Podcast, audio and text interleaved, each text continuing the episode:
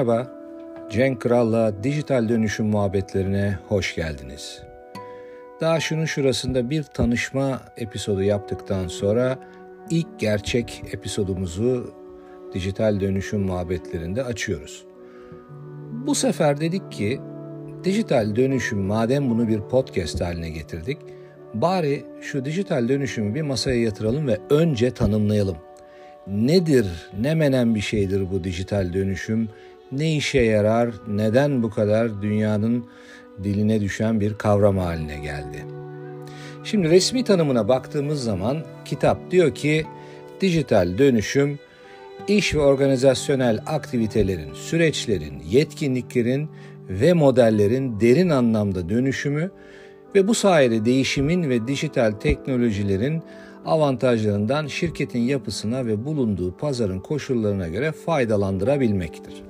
Yani aslında bir şirketin temel bütün aktivitelerinin, süreçlerinin, e, çalışanlarının yetkinliklerinin ve iş modellerinin derin anlamda dönüşümü. Yani aslında burada dijital teknolojinin nimetlerini kullanıyorsunuz ama bununla beraber esas olarak pazarınızdaki iş modelini dönüştürüyorsunuz. Bu konu nedense e, hem dünyada hem Türkiye'de e, dijital lafı dönüşüm lafının önüne geçerek sanki esasında konuyu dijitalleşmeymiş gibi yanlış bir algılamaya çekiyor. Ve bu nedenden dolayı e, birçok dijitalleşme projesi projesi sanki dijital dönüşüm gibi algılanıyor. Ve işte burada da zaten olayların, projelerin başarısız olduğu bir e, döneme doğru giriyoruz. E, çünkü konu dijitalleşme değil, dijital teknolojinin nimetlerinden faydalanarak dönüşüm yapabilme. Nitekim gerçek anlamda dönüşüm yapmadan bunu sadece dijital teknolojilerle oynaşma seviyesinde bırakanlara ben şahsen dönüşemeden dijitalleşenler diyorum. O zaman da zaten karşımıza e, konudan gerçek verimi alamayan, projelerini hayal kırıklıklarıyla sonuçlandıran şirketler karşımıza çıkıyor. Esasında dijital dönüşümle ilgili konulara girdiğimiz zaman e, karşımıza daha enteresan bir durum çıkıyor.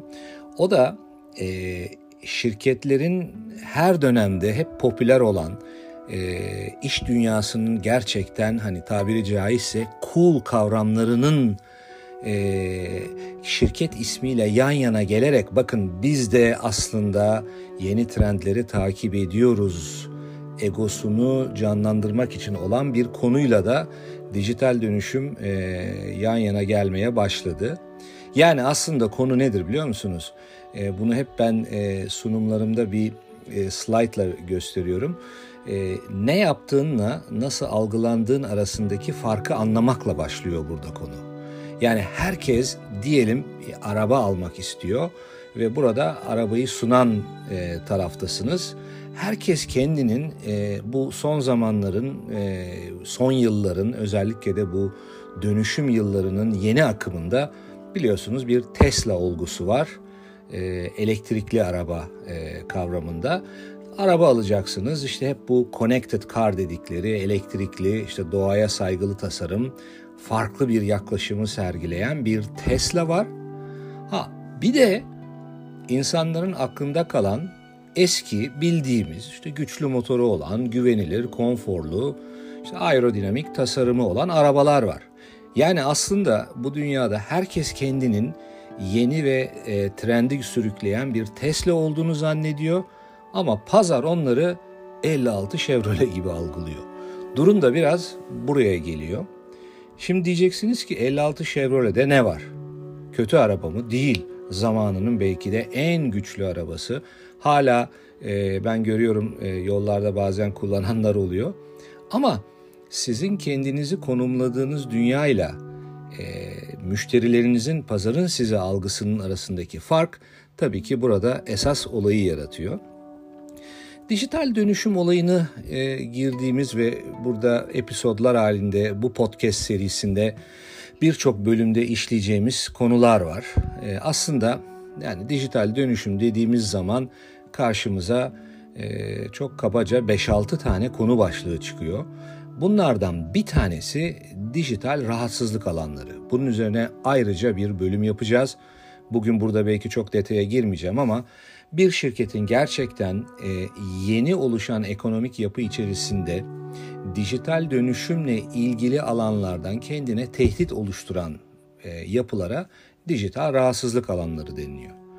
Daha sonra bu dijital rahatsızlık alanlarının yarattığı durumlardan dolayı şirket, kurum oturuyor, bakıyor ya biz acaba iş modelimizi değiştirmemiz mi gerekiyor?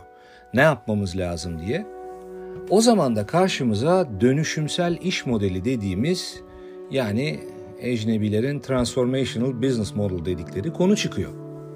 Bunun hemen arkasından e, kurumun tabii ki veri stratejisi ve bununla ilgili kuracağı analitik modeller çıkıyor. Bu da ister istemez konuyu getiriyor şirketin iş geliştirme modeline dayatıyor.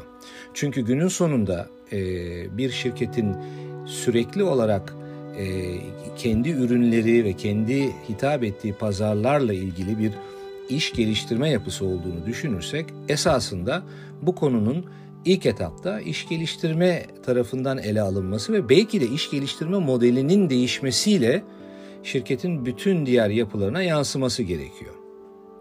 Ondan sonra yani sıralama olarak belki 5. sırada söylüyorum ama e, bence en önemli konu şirketin liderlik ve yönetim yaklaşımı.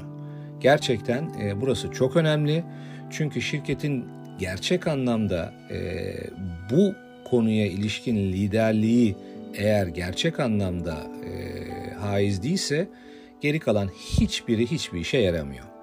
Dolayısıyla e, burada gene bu podcast serilerinde liderlik üzerine ayrı bir bölüm yapacağız. Çünkü çok önemli. Ben ona sıfır çarpan etkisi diyorum. Çünkü liderlik gerçek anlamda dijital dönüşümü sürükleyen bir liderlik ve bununla ilgili yönetim yaklaşımı olmadığında bütün geri kalanlar e, sıfıra eşitleniyor. Altıncı sırada ben e, günün sonunda şirketlerin ürün ve hizmetlerini pazara sunduğu ve tabii ki sattığını düşünürsek özellikle B2B dediğimiz kurumsal yapılarda işin içine satış ve satıcılık modeli giriyor ki dijital dönüşüm çağında müşteriye değer yaratma olgusunda da e, işin satıcılık tarafında da ciddi anlamda e, söylenecek şeyler var. Evet dijital dönüşümü e, böyle tanımladıktan sonra aslında belki de e, burada dijital dönüşümle ilgili gelişme evrelerinden belki bahsedebiliriz. Yani e, dijital dönüşüm öyle akşam yatıp sabah uyanmakla aa dönüşmüşüz ne güzel oldu gibi olmuyor ne yazık ki. Keşke öyle olsaydı. E, bu konuda Brian Solis isimli ki bu alanda tanınan bir isim e, şu anda yanlış hatırlamıyorsam Google'da e, yeni bir göreve başladı kendisi e, bu alandaki araştırmacı gazetecilerden yani bu işin e, basın tarafındaydı. E, Brian Solis e, dijital dönüşümdeki kritik evreleri 6 adımda tanımlıyor.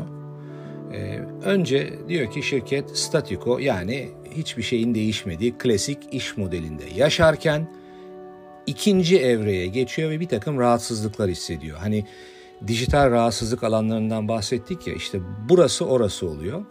Ve bu rahatsızlıkla beraber ilk arayışlar başlıyor. Bu arayışlar bir noktadan sonra üçüncü arayış evresine yani aktif ve resmi arayış süreci denemelere geçiyor.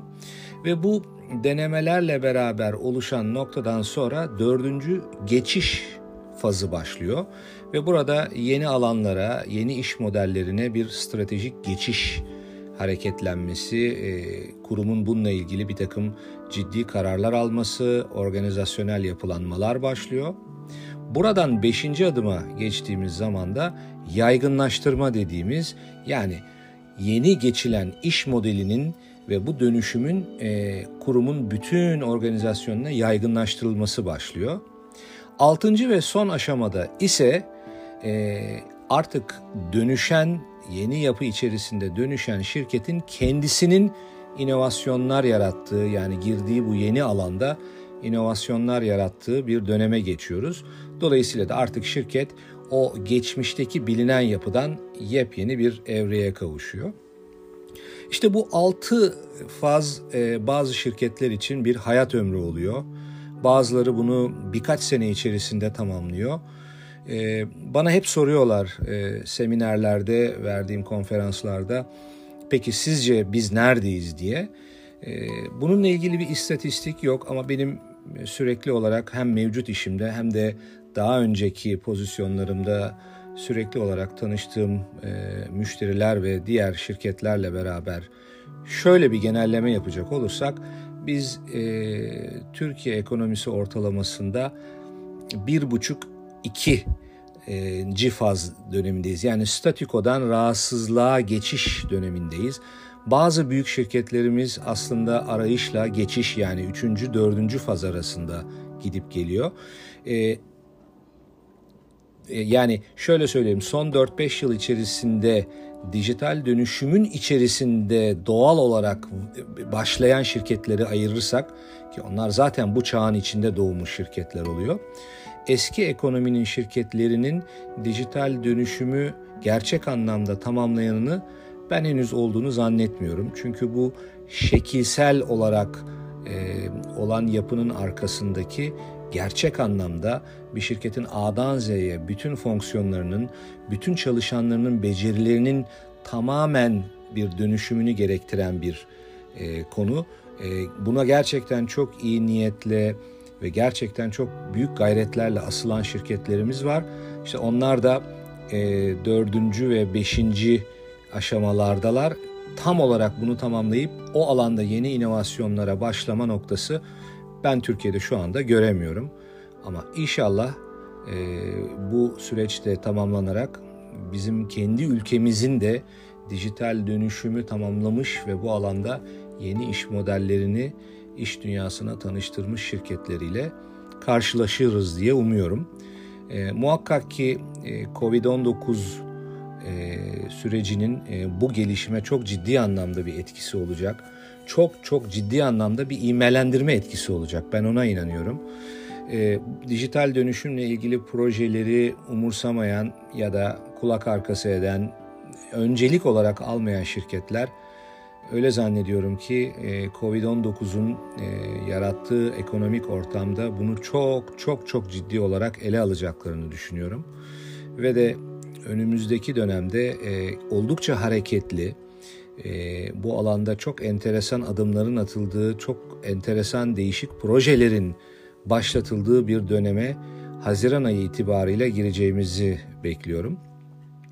Evet, bu e, ikinci episodumuzda e, dijital dönüşümün şöyle bir kaba bir tanımını yaptık.